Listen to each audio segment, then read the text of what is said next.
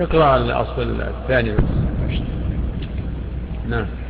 بسم الله الرحمن الرحيم.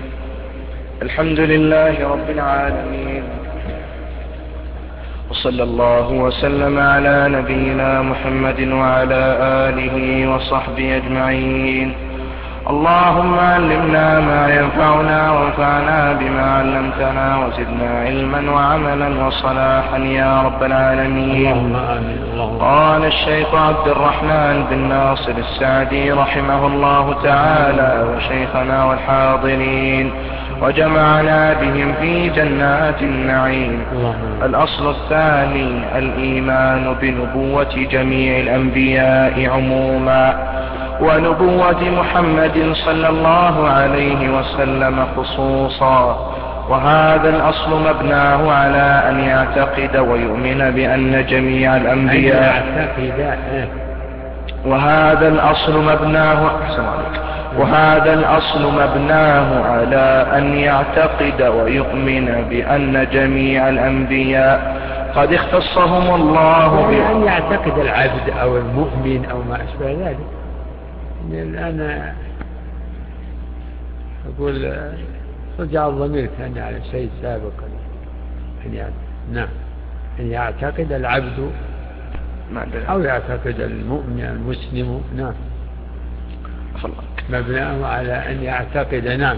وهذا الأصل مبناه على أن يعتقد ويؤمن بأن جميع الأنبياء قد اختصهم الله بوحيه وإرساله وجعلهم وسائط بينه وبين خلقه في تبليغ شرعه ودينه.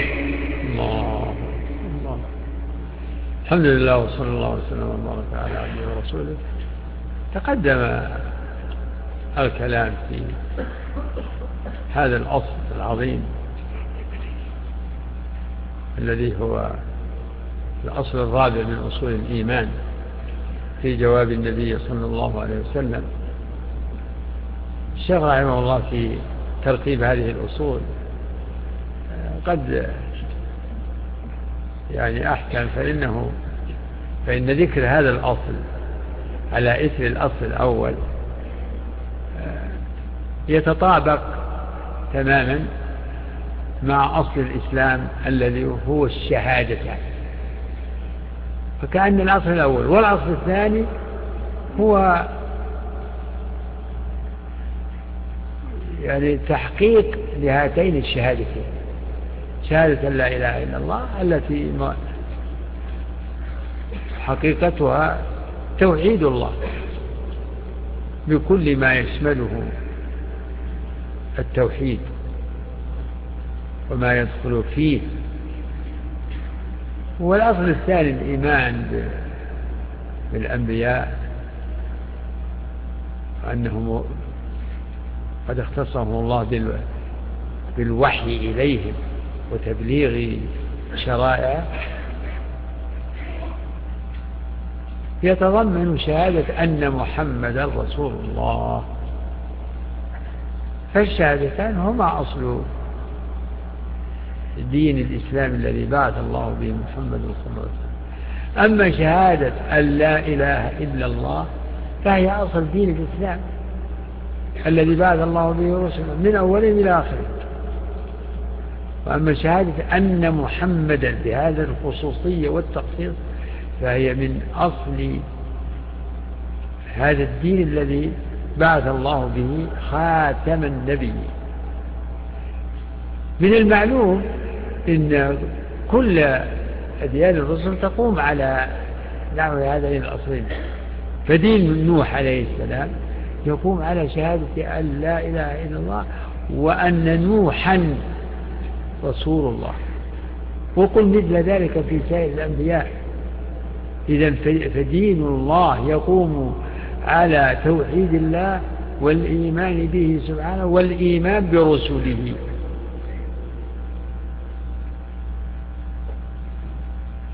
نعم.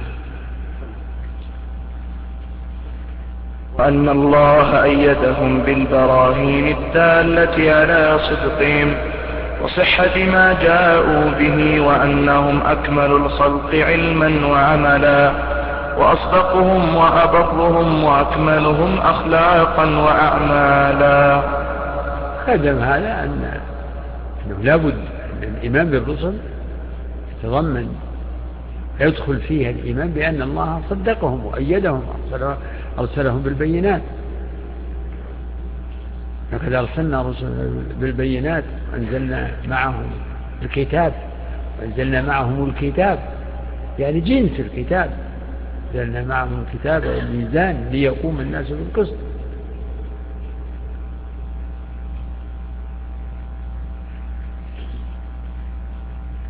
وإن يكذبوك فقد كذب رسل من قبلك. جاءوا بالبينات. وجاءوا بالبينات والزبر والكتاب المبين أو الكتاب المنير. فقد جاءوا بالحجج القاطعة التي توجب لمن لكل من أنصف عقل تصديقهم وأن, وأن ما جاءوا به من عند الله. والجانب الثاني الذي أشار إليه في هذه الجملة كما تقدم يعني الاعتقاد أنهم أبر الناس وأصلح الناس وأتقى الناس لأنهم جاءوا ليكونوا قدوة ليكونوا يعني أسوة لأممهم. فهم يعني في, في غاية الكمال الخلقي. وإن كان بعضهم أكمل من بعض هذا في الجملة. وأكملهم في كل ذلك كل علما وعملا وخلقا هو خاتمهم وسيدهم صلى الله عليه وسلم.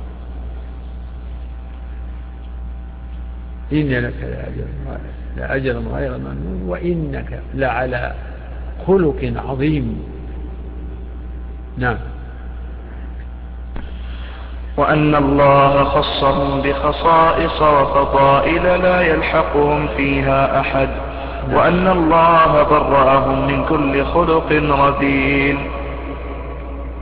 نعم هذا من تمام الجانب الكلام الجانب أن الله كما أن الله أكرمهم بإصلاح نفوسهم وتزكيتها وتطهير وتطهيرهم من كل آه، خلق رذيذ كما أكرمهم بكل خلق كريم وشرف نفوسهم بذلك آه، أكرمهم بأن طهرهم من كل خلق رذيل فهم منزهون عن قبائح الأعمال وسفاسف الأخلاق بل هم الغاية في عبادة الله في تقواه وفي وفي معاملة الخلق لأنهم جاءوا هداة فهم هداة مهديون هداة مهتدون. الأنبياء المتقدمون كانوا على على هدى مستقيم حتى إنه سبحانه وتعالى قال لنبيه أولئك الذين هدى الله فبهداه مقتده. فبهداه مقتده. الرسول أمر آه، نبيه أن يقتدي بمن قبله من النبيين. يقتدي بهم يعني في الجملة لا في كل شرائع فإن شرائعهم مختلفة. يقتدي بهم في في توحيد الله وإخلاص الدين له وفي دعوة الخلق. إلى ذلك لأنه جاء قبلها ذكر الشرك ذلك هدى الله يهدي من يشاء من عباده. ولو أشركوا لحبط عنهم ما كانوا يعملون. قال كل تابع لقصة إبراهيم ومناظرته لقومه في أمر الشرك في ودعوتهم إلى التوحيد. ابتداء من الآية. إذ قال إبراهيم لأبيه آذر أتتخذ أصناما آلهة؟ إني أراك وقومك في ضلال مبين. إلى آخر الآيات. نعم. فالله طهرهم من يعني جبلهم وأكرمهم بفضائل الأخلاق وطهرهم من الرذائل. نعم. وزكاهم. نعم. وأنهم معصومون فيما يبلغون عن الله تعالى وأنه لا يستقر في خبرهم وتبليغهم إلا الحق والصواب. هذا من تمام الكلام المتقدم. فهم مبرؤون من الكذب.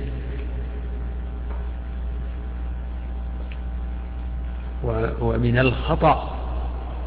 فيما يبلغون معصومون فيما يبلغونه عن الله هذا أمر مجمع عليه متفق عليه معصومون فيما يبلغون. فما بلغوه عن الله فهو حق كما قالوا لأنهم أصدق الناس. أصدق الناس. فهم صادقون مصدوقون لأن ما جاءوا به خبر من الله. والله تعالى أصدق الصادقين. ومن أصدق من الله قيلا. ومن أصدق من الله حديثا. فهم صادقون فيما يبلغونه عن الله.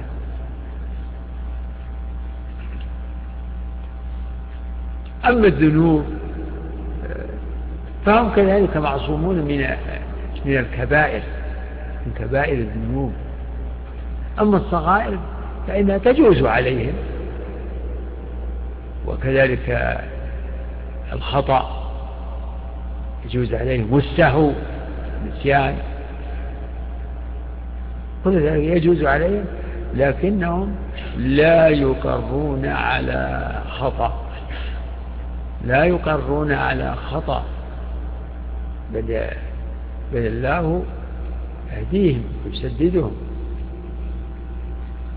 يعني من الوقائع التي الله تعالى يعني أرسل نبيه إلى خلاف ما حصل فيما يتعلق بأسرى بدر. ما كان لنبيا أن يكون له أسرى حتى يثقن في الأرض. تريدون عرض الدنيا والله يريد الآخرة والله عزيز حكيم. لولا كتاب من الله سبق لمسكم فيما أخذتم عذاب عظيم. فإنهم لما أسر المسلمون من كفار من الكفار سبعين اختلفوا هل يقتلونهم أو يفادونهم. فكان يعني من رأي النبي ورأي أبي بكر رضي الله عنه أن يفادونهم ويستبقونهم رجاء هدايتهم. وأما عمر فكان شديدا فكان يرى قتلهم. فالرسول عليه الصلاة والسلام رجح رأي أبي بكر فمضى فمضوا على ذلك. فأنزل الله عتبه لنبيه والمؤمنين على ما حصل ولكن الله غفر لهم وعفى عنهم ثم أحل لهم ما أخذوه من الفداء. فكلوا مما غنمتم حلالا طيبا.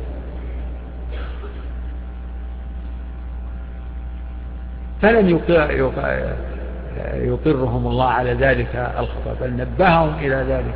وجاء في الآية الأخرى إذا لقيتم الذين كفروا وضرب الرقاب حتى إذا أثخنتموهم فشدوا الوثاق فإما منا بعد وإما فداء. حتى تضع الحرب أوزارها إذا كان الأمر في بداياته في بدايات الجهاد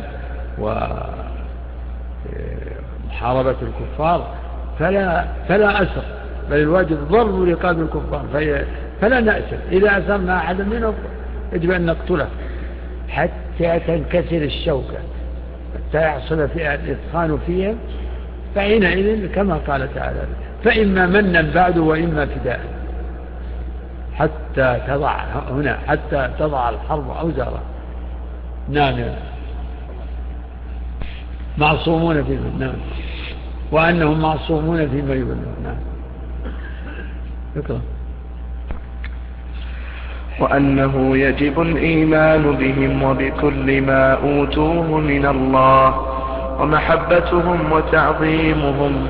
وأن هذه الأمور ثابتة لنبينا محمد صلى الله عليه وسلم على أكمل الوجوه.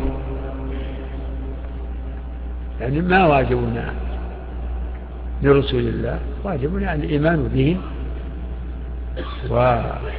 والإيمان بفضلهم على سائر الخلق ويجب علينا أن أن نحبهم. لأن فحب فحبهم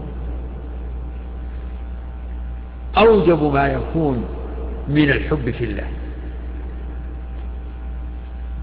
لأنهم رسول الله ودعاة الخير هم دعاة الخير. هم أولياء الله. فحبهم من من حب الله. ثمرة من ثمرات الله فالله فهم فالله يحبهم. فعلينا أن نحب من من يحبه الله.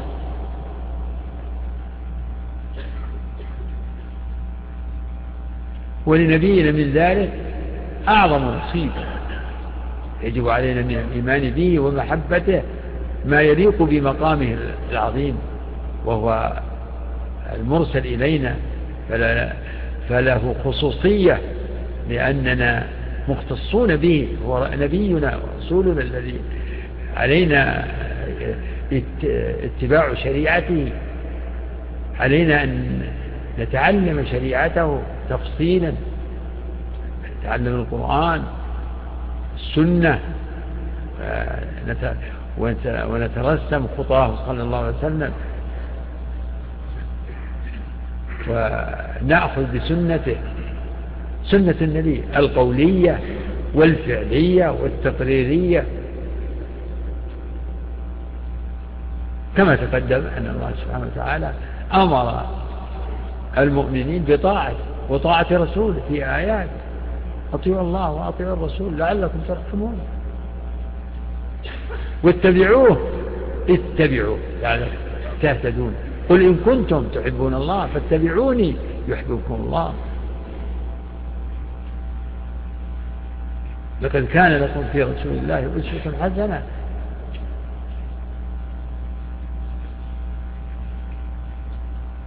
والحديث الواردة في وجوب محبته فوق محبة الأهل والناس أجمعين بل والنفس لا يؤمن أحدكم حتى أكون أحب إليه من ولده ووالده والناس أجمعين. وفي الحديث الآخر ثلاث من كن به وجد بهن حلاوة الإيمان. أن يكون الله ورسوله أحب إليه مما سواه. وتوعد الله الذين يؤثرون المحبوبات على محبة الرسول على محبة الله ورسوله والجهاد في سبيله. قل إن كنتم تحبون قل إن كان آباؤكم وأبناؤكم وإخوانكم وأزواجكم وعشيرتكم وأموال اقترفتموها وتجارة تخشون كسادها ومساكن ترضونها. أحب إليكم من الله ورسوله وجهاد في سبيله فتربصوا حتى يأتي الله بأمره.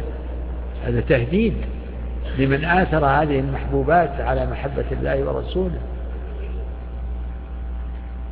فيجب على العبد أن يحب الله ورسوله فوق محبته لهذه المحبوبات.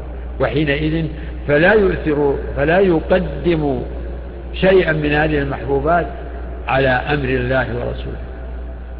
ولا يؤثر شيئا من هذه المحبوبات الثمانية. هذه المحبوبات محبتها الطبيعية فالمحبة الطبيعية لا حرج فيها. لكن الشأن في يعني الغلو أو التجاوز في حب هذه المحبوبات حتى يؤدي ذلك إلى تقديم محبتهم على محبة الله ورسوله.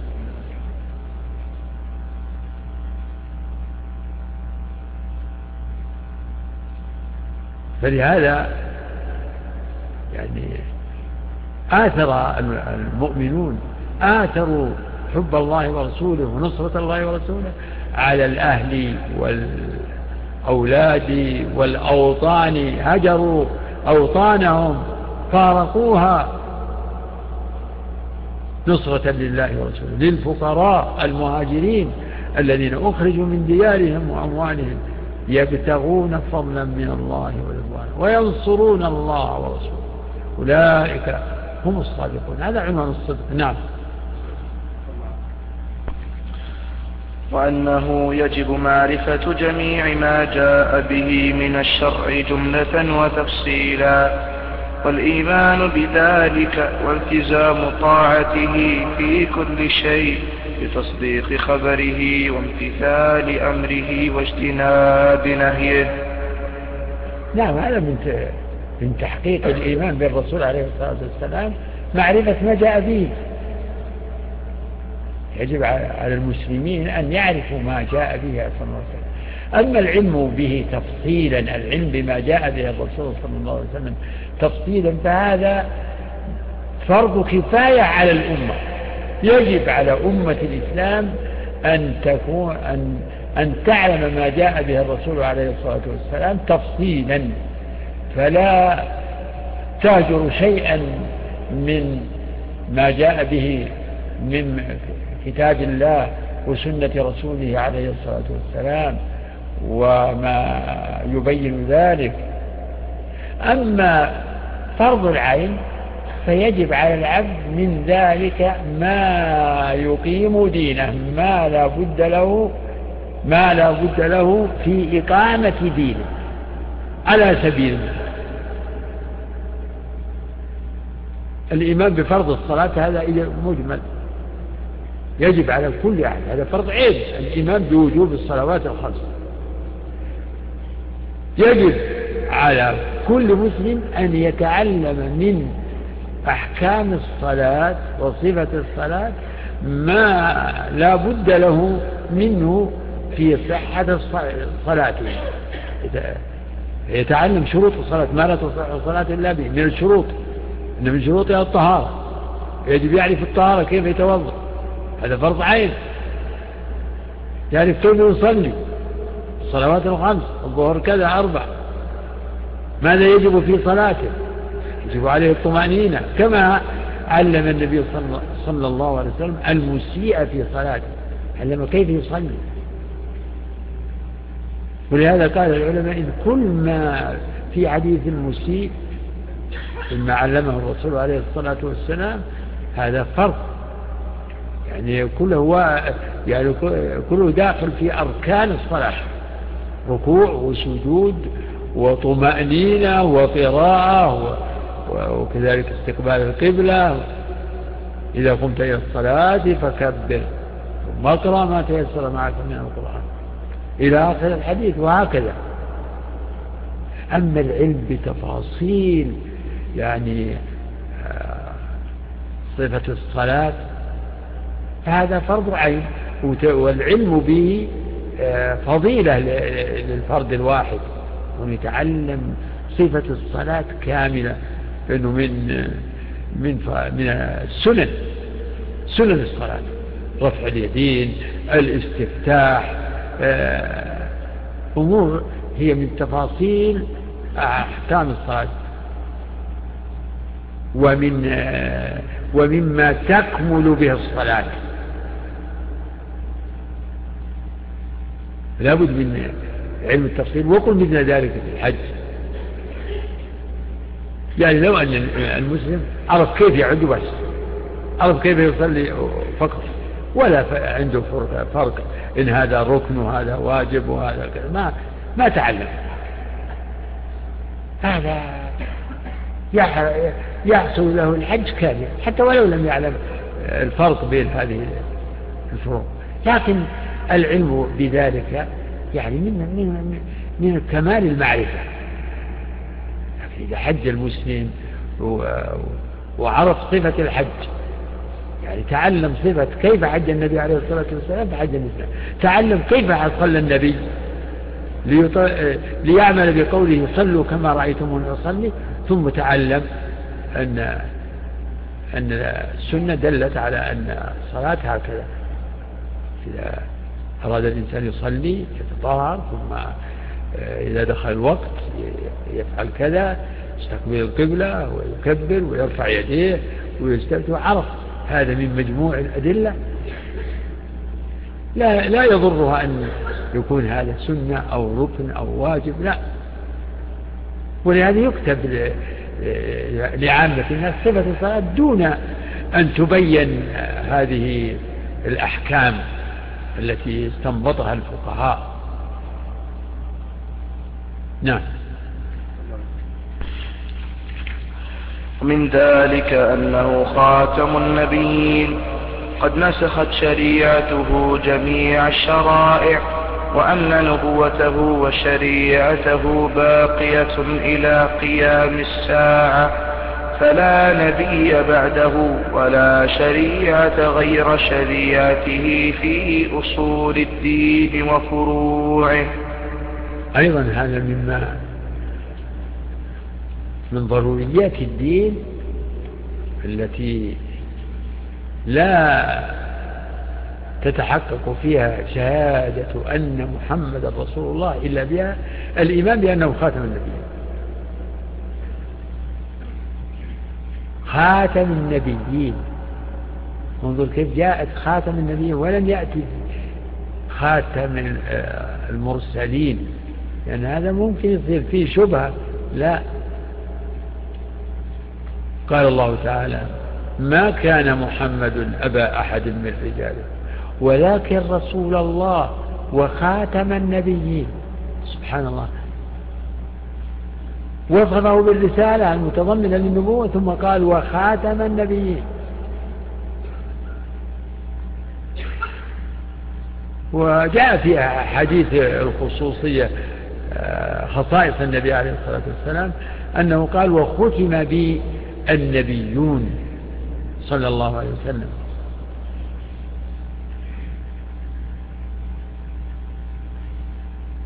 وأخبر صلى الله عليه وسلم أنه لا نبي بعده فمنذ, فمنذ بعثه الله لا نبي بعده فعلم بذلك بطلان نبوة كل مدع للنبوة.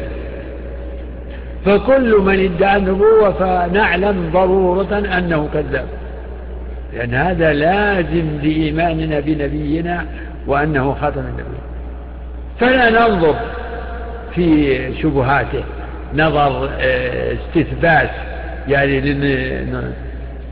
يعني هل يصدق أو لا يصدق؟ لا. لكن إن نظرنا في شبهاته فلدحضها ولفضيحته وبيان فجوره وكذبه. وإلا فمن أول واحد. المسلم حين لو قيل له أن هناك واحد في مكان كذا مدعي للنبوة فإنه يكفر به. ويعلم أنه كذاب. لعلمه بأن محمدا خاتم النبيين فلا نبي بعده.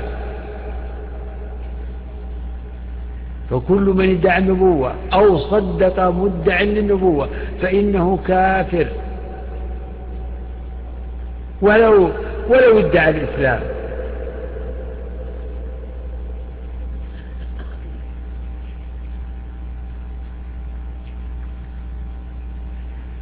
لا إله إلا الله لا إله من الأحمدية القاديانية اللي يعرفون بالقاديانية هم ينتسبون للإسلام. لكن يدعون أن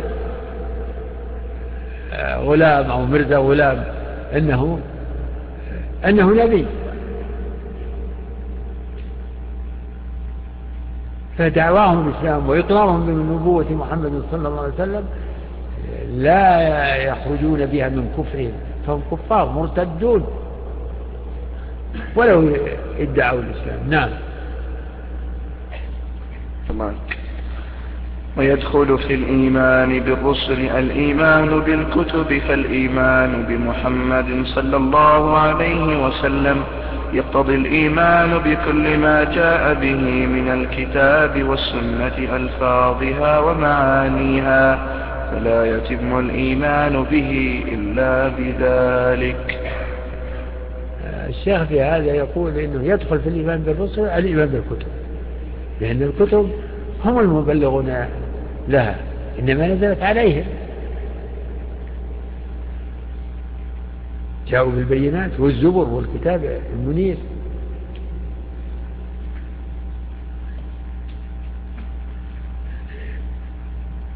وبهذا الشيء ينصص على الأصل الثالث من أصول الإيمان. الأصل الثالث ما هو؟ الإيمان بالكتب. أن تؤمن بالله وملائكته وكتبه ورسله. وبهذا يكون الشيخ قد ذكر يعني هذه الأصول أصول الإيمان. فمن الإيمان بالرسل الإيمان بالكتب المنزلة. عليهم من عند الله. ما علمنا منها وما لم نعلم. نؤمن بكتب الله. وما سمي لنا منها. نؤمن به كالتوراة والإنجيل والزبور وصحف موسى وإبراهيم. وأعظم ذلك القرآن. فمن الإيمان بالكتب الإيمان بما أنزل الله على رسوله من القرآن. وما أنزل عليه كذلك من الحكمة. وأنزل الله عليك الكتاب والحكمة وعلمك ما لم تكن تعلم. وكان فضل الله عليك عظيما. فالإيمان بالسنة داخل في هو من الإيمان بالقرآن لأن القرآن أمر بالسنة أمر بطاعة الرسول وباتباع الرسول. وهذا يتضمن اتباع الرسول والإيمان به.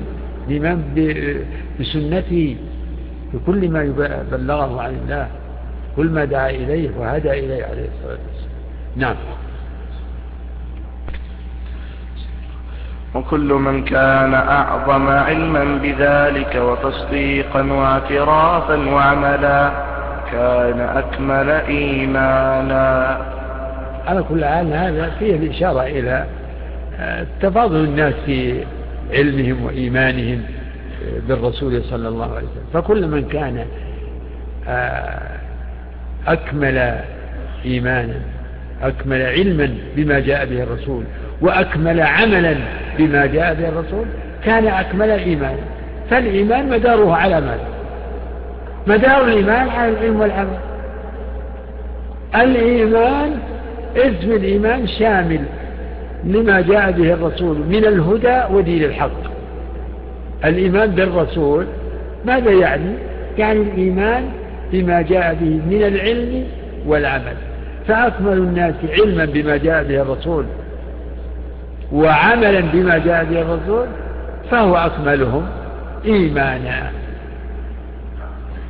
وأكمل الأمة في هذا هم الصحابة رضوان الله عليهم. ولهذا كانوا خير هذه الأمة. كما قال صلى الله عليه وسلم خير الناس قرني.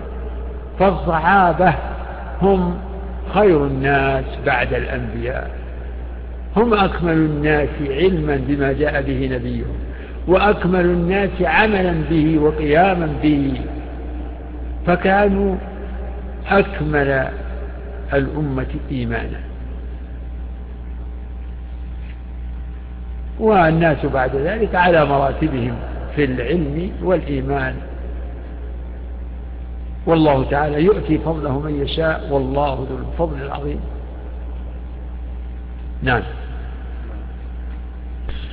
والإيمان بالملائكة والقدر داخل في هذا الأصل العظيم. الإيمان بالملائكة والإيمان بالكتب والإيمان بالقدر داخل في الإيمان بالرسل. لأن الرسل هم الذين أخبرونا عن الملائكة. هم الذين أخبرونا عن الملائكة.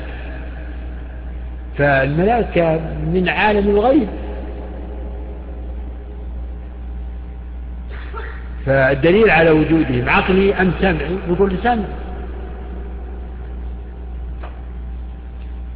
فهم من يعني فالنصوص الدالة على أحوال وجودهم وأحوالهم إنما هي الأدلة السمعية. إذا فالإيمان بهم هو من القضايا السمعية.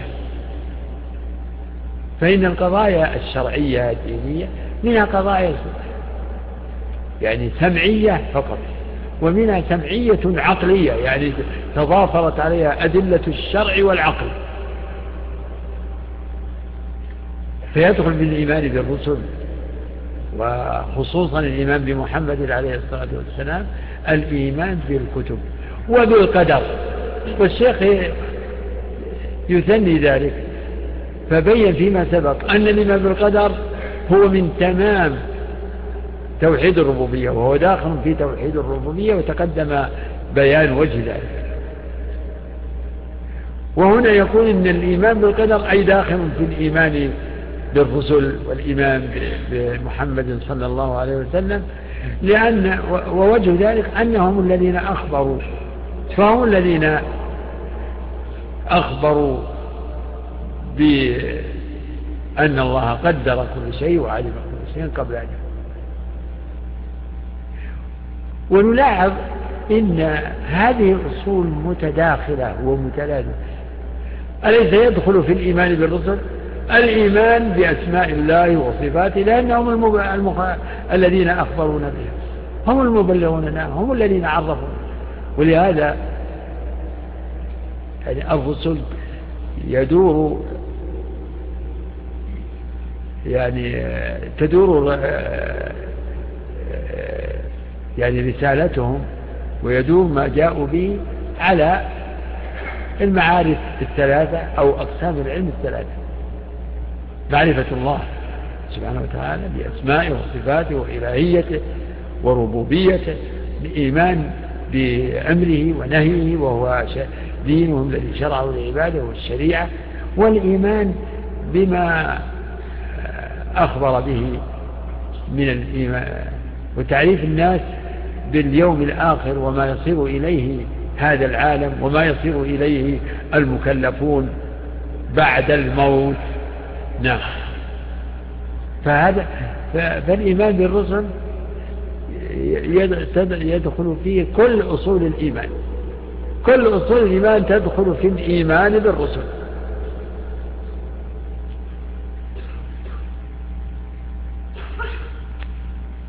والإيمان بالله يقتضي الإيمان بكل أصول ببقية أصول الإيمان. فالله هو الذي أرسل الرسل وهو الذي أنزل الكتب وهو الذي خلق الملائكة وهو الذي خلق الدنيا والآخرة. نعم. بعد أن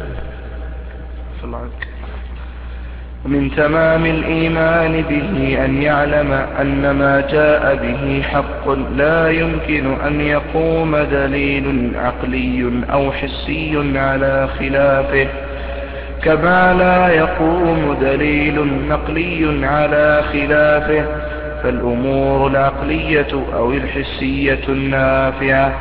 تجد دلالة الكتاب والسنة مثبتة لها. حافة على تعلمها وعملها وغير النافع من المذكورات ليس فيها ما ينبغي وجودها وإن كان الدليل الشرعي ينهى ويذم الأمور الضارة منها. هذا يشبه ما تقدم من تقرير أنه يمتنع أن يقوم دليل عقلي ولا حسي دليل عقلي ولا حسي على خلاف ما أخبر به صلى الله عليه وسلم وما جاء به. فإن يجب الإيمان بأن ما جاء به من عند الله حق. لا يمكن أن يقوم دليل على خلافه الحق لا يمكن أن يقوم دليل على خلافه لأنه لو قام دليل على خلافه كان باطلا. إذا فيمتنع أن يقوم دليل عقلي أو حسي على خلاف ما أخبر به صلى الله عليه وسلم. بل الأدلة العقلية والحسية النافعة. يقول الشيخ تجد, تجد دلالة الكتاب والسنة تجد إيش؟ تجد؟ تجد دلالة الكتاب والسنة داعية إليها وحاثة عليها. يعني الأمور العقلية الصحيحة والأمور الحسية النافعة. تجد أيها المسلم العبارة فيها يعني شيء من الغموض. تجد دلالة الكتاب والسنة حاثة عليها داعية إليها مثبتة لها. يعني إذا فهي تطابق أدلة الكتاب والسنة تطابق المعقول ما تقتضيه العقول وتطابق ما يدل عليه الحس والواقع. وهذا يأتي في النظريات هذا يتعلق بالنظريات مثلا العلمية التي يذكرونها. فالأدلة النظرية النظريات الحديثة يجب أن أن ينظر فيها. فما ناقض الكتاب والسنة علمنا بطلانة. وما وما لم يعارض الكتاب والسنة فإما أن يكون أن يعلم بالحس أو العقل صدق فيجب قبوله وإما أن ألا يعلم آه، صدقه ولا كذبه فيكون موضع التوقف وهذا هو العدل. فلا يجوز رد الحق ولا قبول الباطل ولا يجوز كذلك القول بلا علم لا في النفي ولا في الإثبات. نعم أعد العبارة. ومن تمام الإيمان به أن يعلم أن ما جاء به حق لا يمكن أن يقوم دليل عقلي أو حسي على خلافه. كما على خلاف ما جاء به صلى الله عليه وسلم. لا يمكن أن يكون دليل عقلي ولا حس نعم. نعم. كما نعم.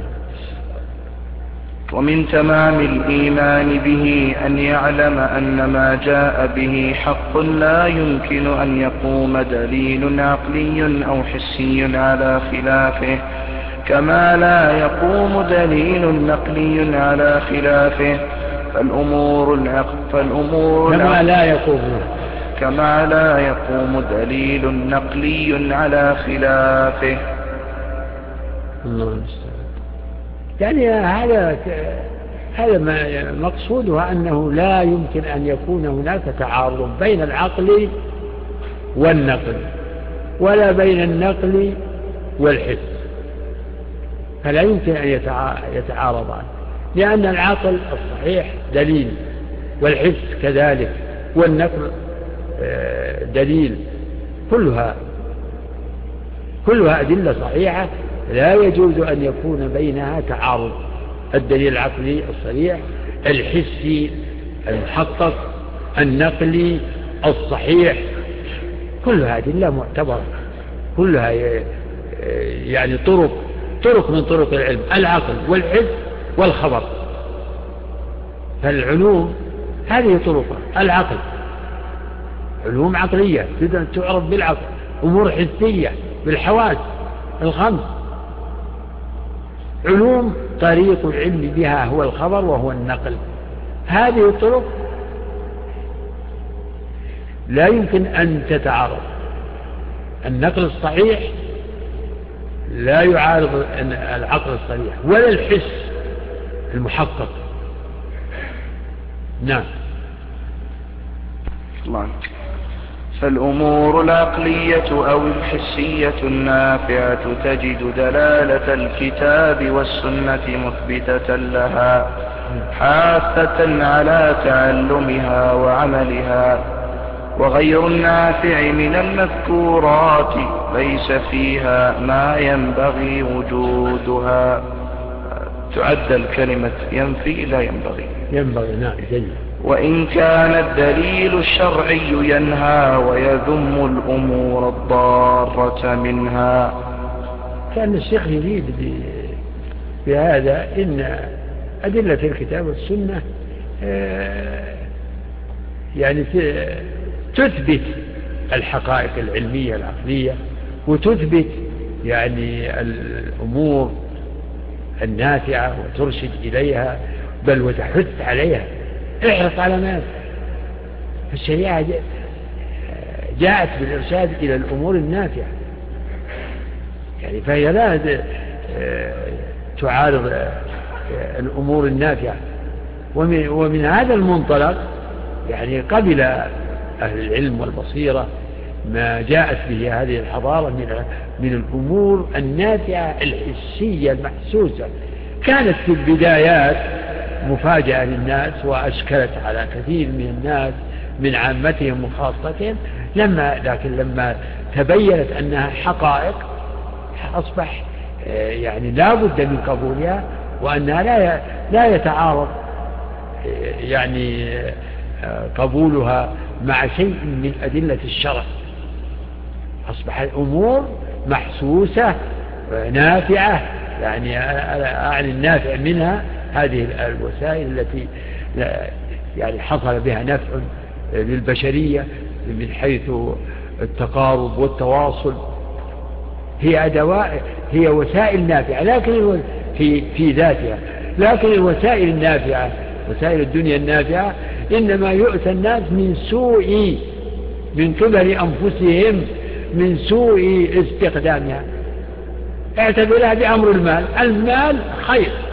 المال خير ولكنه لكثير من الناس شر.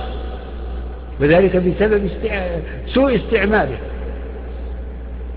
وذلك بأن يكتسبه من غير آه، من غير حلة وينفقه بغير محلة. فيحصل الفساد ويحصل الضرر والعاجل والآجل. هكذا الوسائل الحديثة الآن. من وسائل الاتصال ومن وسائل الاتصال ومن هذه العلوم العجيبة. يعني الحمد لله هي في ذاتها وسائل نافعة لكن بسبب سوء حال البشرية أما الكفار فلا غرابة لأنهم لا لأن الدنيا غايتهم. إن الذين لا يرجون لقاءنا ورضوا بالحياة الدنيا واطمأنوا بها والذين هم عن آياتنا غافلون أولئك مأواهم النار بما كانوا يكسبون. زين للذين كفروا الحياة الدنيا ويسخرون من الذين آمنوا والذين اتقوا فوقهم يوم القيامة والله يرزق من يشاء بغير حساب. ولكن الشأن في المسلمين يعني المسلمون كثير منهم أيضا انساقوا مع الكفار وجاروهم. ولم يحسنوا. أكثر المسلمين لم يحسنوا استعمال هذه الوسائل. ولا سيما وسائل آه، آه، آه، الإعلام. وسائل الإعلام التي لها الأثر العظيم وتصل إلى الأبعاد الكثيرة. فالمسلمون لم يوفقوا لحسن استعمالها. أقول كثير وإلا فقد نفع الله بها وانتفع بها آه، في أمر الدين والدنيا آه، أيضا كثير من المسلمين. كثير من المسلمين انتفعوا بها في أمر دينهم ودنياهم. لكن يمكن أن أقول الأكثر إنهم قد أساءوا استعمالها فكانت وبالا عليهم. وعلى من آه، تحته. نعم. ويدخل في الإيمان بما جاء به الرسول صلى الله عليه وسلم بل وسائر الرسل. نعم نعم قل. ويا شيخ إما لعله في سقط أو لعله يبغى يضبط بالأصل الذي بعده لأنه بعد هذا الكلام يقول الأصل الثالث الإيمان باليوم الآخر. إيه. لعله يبغى يربط نعم كيف على هذا؟ عرفت عرفت. الله الشيخ يريد يقول إن الإيمان باليوم الآخر أيضا داخل في الإيمان بالرسل كما تقدم في شأن الملائكة والكتب. فالآن آه، انتهينا إلى الأصل الثالث الذي هو الإيمان باليوم الآخر وهو داخل. لكن الشيخ أراد أن يمهد ويقرر قبل الدخول فيه أن يقرر بأن الإيمان باليوم الآخر داخل في الإيمان بالرسل كذلك. والله أعلم. أحسن الله إليك. يقول السائل نعم.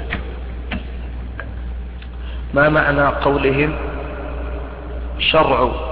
من قبلنا شرع لنا. لا إله إلا هذه مسألة أصولية مقررة معروفة. هل شرع من قبلنا؟ شرع لنا؟ يعني ما بلغنا أنه في شريعة موسى أو عيسى أو من قبلهما أو في شريعة إبراهيم هل نحن متعبدون به وأنه شرع لنا؟ هذه القضية فيها اختلاف. ولتوضيح الحق فيها يقول العلماء آه، هذا ينقسم ثلاث أقسام. ما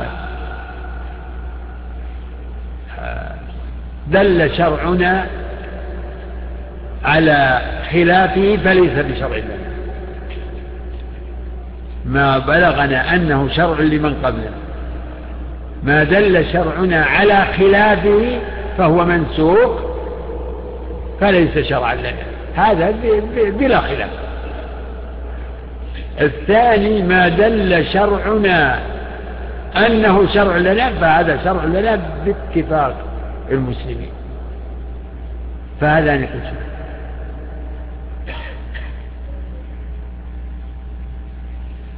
الثالث ما ثبت بشرعنا أنه شرع لمن قبلنا. والكلام كله فيما ثبت بشرعنا أنه شرع لمن قبلنا. أما ما لم يثبت فهذا لا كلام فيه. الثالث ما ثبت بشرعنا أنه شرع لمن قبلنا ولم يأتي شرعنا بخلافه ولم يأتي شرعنا بما يوافق. إنما جاء شرعنا بالخبر أنه شرع لمن قبلنا فهذا هو محل الخلاف بين العلماء والصواب أنه شرع لنا. ما ثبت بشرعنا أنه شرع لمن قبلنا بشرعنا أنه شرع لمن قبلنا ولم يأتي شرعنا بخلافه ولم يأتي شرعنا بما يوافقه. فهذا هو المختلف فيه بين الفقهاء والصواب أنه شرع لنا. نعم. أحسن الله إليك. يذكر في الإيمان بمن لم نعلمه من الرسل والملائكة والكتب أن نؤمن بهم إجمالا فما تعني هذه الكلمة. الآن الملائكة الإيمان بالملائكة إجمالا هذا فرض عين على كل مسلم. الإيمان بالملائكة. أن لله ملائكة هم من عالم الغير مخلوقون مربوطون هذا إيمان عام. دون تفصيل لأصناف. الملائكة أصناف.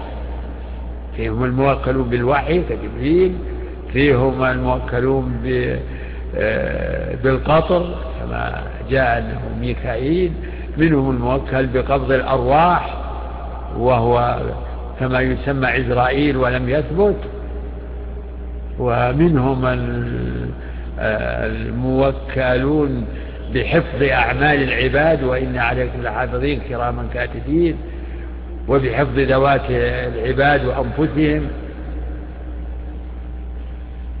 له معقبات من بين يديه ومن خلفه يحفظونه من أمر الله ومن العلوم التفصيلية آه، الخبر عن كثرة الملائكة وأنهم في غاية من الكثرة كثرة كثرة حتى إن البيت المعمور يدخلهم في كل يوم سبعون ألف ملك آخر ما عليه لا يعودون إليه.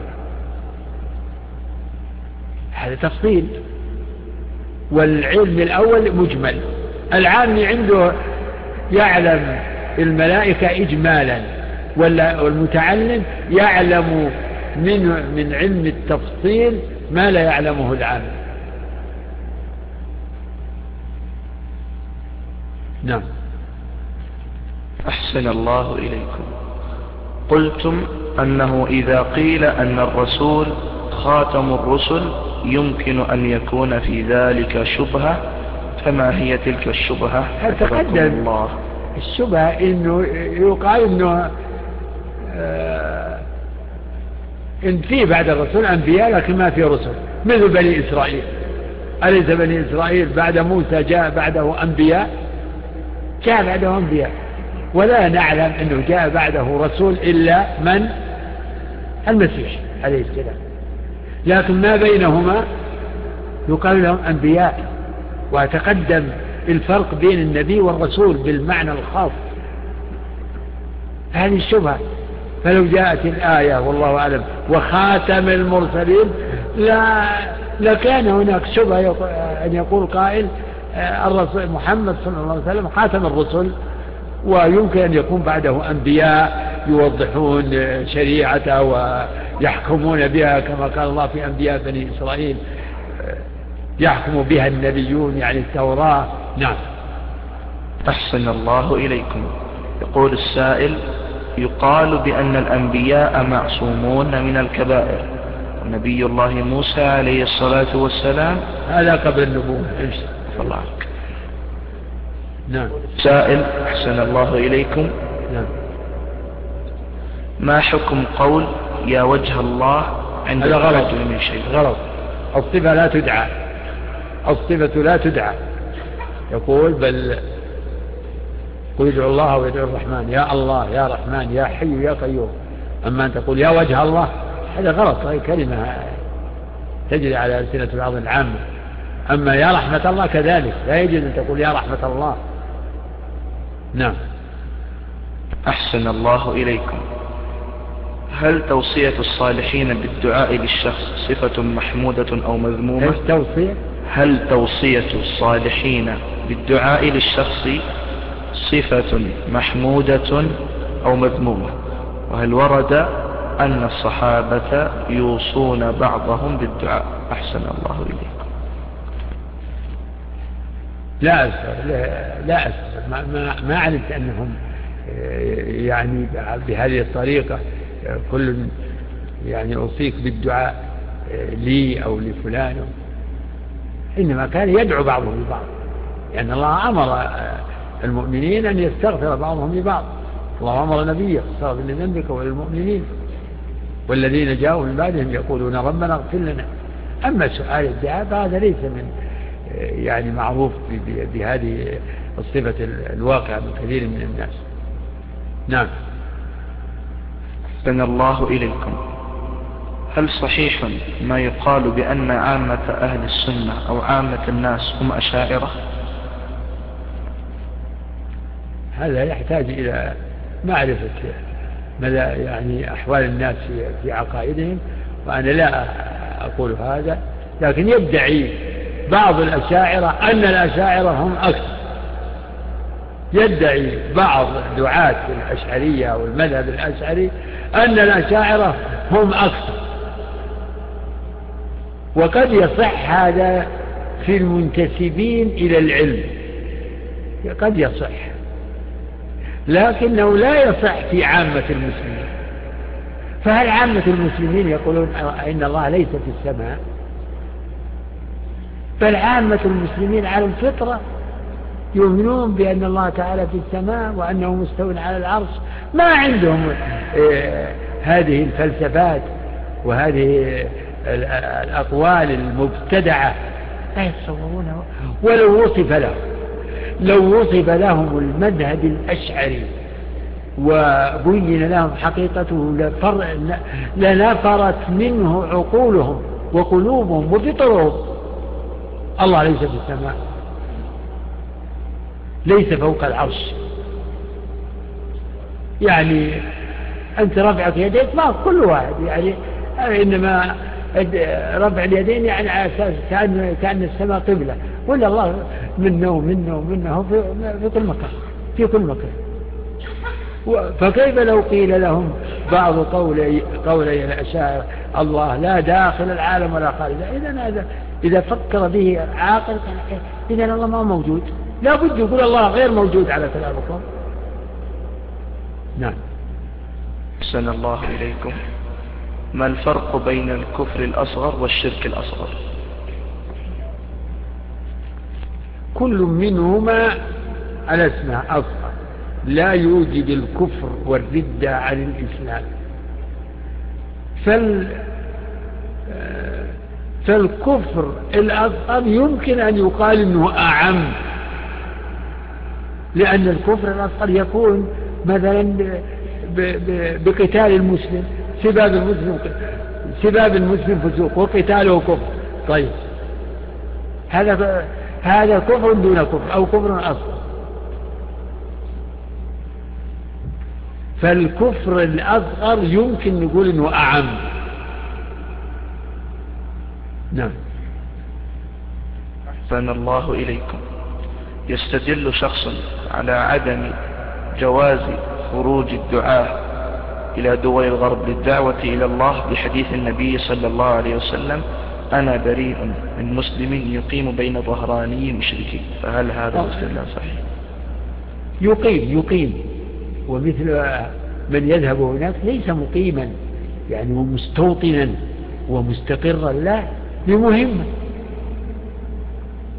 للدعوة إذا صحت النيات وكان هناك يعني جهود صادقة ليس مجرد تعلل أو تذرع باسم الدعوة للاستقرار والإقامة هناك يقيم لما؟ يعني هذه هي الوسيلة كيف يمكن القيام بالدعوة؟ إلا بالذهاب إلى الكفار. الرسول صلى الله عليه وسلم كان يخشى آه، يعني مجامع الكفار من أجل دعوتهم. في أول بعثته صلى الله عليه وسلم. لكن في الحقيقة يعني ينبغي ألا يكون هناك استقرار.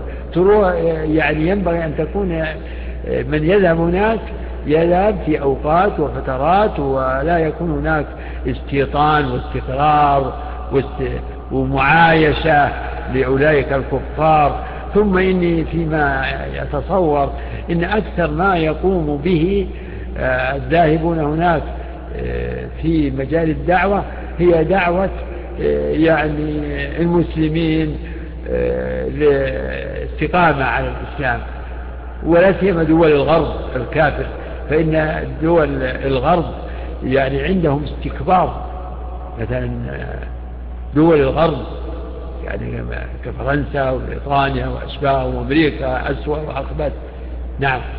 عندهم استكبار. ما يقبلون الدعوة. ما يقبلون الدعوة للإسلام يعني على الإجمال أقول هذا على في الجملة. في الجملة. يعني لا نفي نفيا مطلق لا لا في الجملة. فأكثر ما يقوم به من يذهب هناك للدعوة هو استصلاح إخوانهم وتثبيتهم و... نعم. أحسن الله إليكم. لو ذكرت يمكن الدول الإفريقية البدائية أو الوثنية أو يمكن الدعوة فيها أفضل والاستجابة فيها أكثر إلى الإسلام. ولهذا كانت مرتع لدعوات النصارى. نعم. نعم. أحسن الله إليكم. لو ذكرتم لنا أنواع العلو لله مع ذكر أدلة إيه إيه؟ لو ذكرتم لنا أنواع العلو لله العلو إيه؟ لله إيه؟ مع ذكر أدلة كل نوع أحسن الله إليكم لا معروف هذا السائل يعرف أن أدلة أن العلو ثلاثة علو الذات علو القدر وعلو القهر هذا هو التقسيم المعروف في كلام أهل العلم وهذا هو المعقول. علو قهر وعلو قدر وعلو النزاع بين أهل السنة والجماعة في علو الذات. يعني ما ينازع المبتدعة كالجامية لا ينازعون في علو القدر. يعني أن الله فوق كل شيء يعني من حيث الشرف والقدر هو فوق كل شيء. ولا ينازعون في أنه فوق كل شيء في قهره فهو الغالب بكل شيء فكل الموجودات خاضعة لعظمته هذا لا نزاع. إنما النزاع في علو الذات يعني في لأن الله نفسه ذاته فوق جميع المخلوقات وأنه مستوى على العرش هذا هو الذي فيه النزاع والأخذ والرد أما الدليل على على محل النزاع على علو الذات فهي الأدلة الكثيرة. لكن فيها أدلة يعني عامة مثلا وهو العلي العظيم. وهو العلي العظيم هذا الدليل على على أنواع العلو الثلاثة. هو العلي ذاتا وقدرا وقهرا وهناك يعني أدلة هي أخص بعلو الذات. أأمنتم من في السماء؟ ثم استوى على العرش.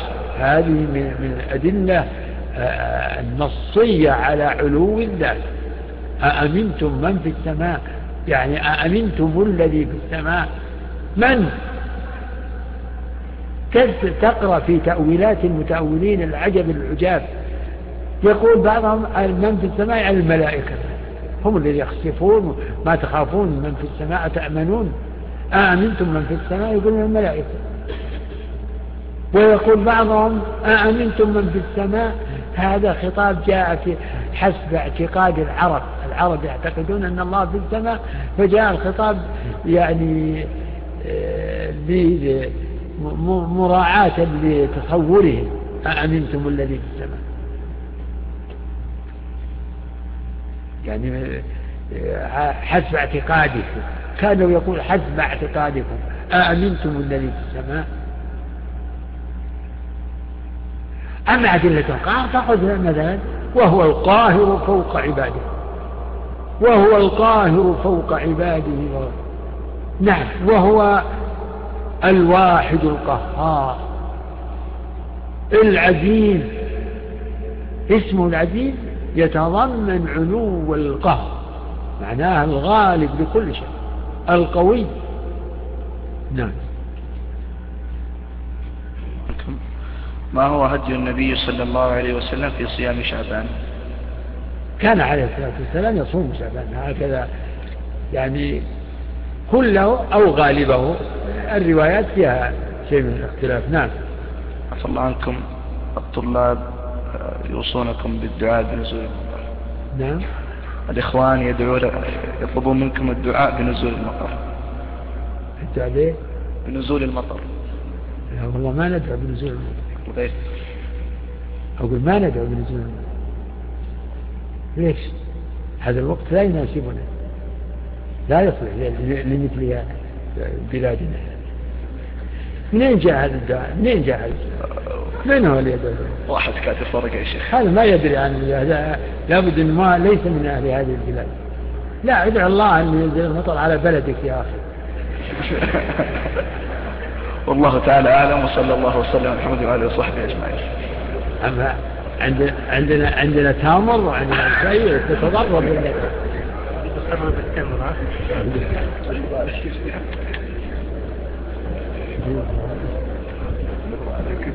صحاهم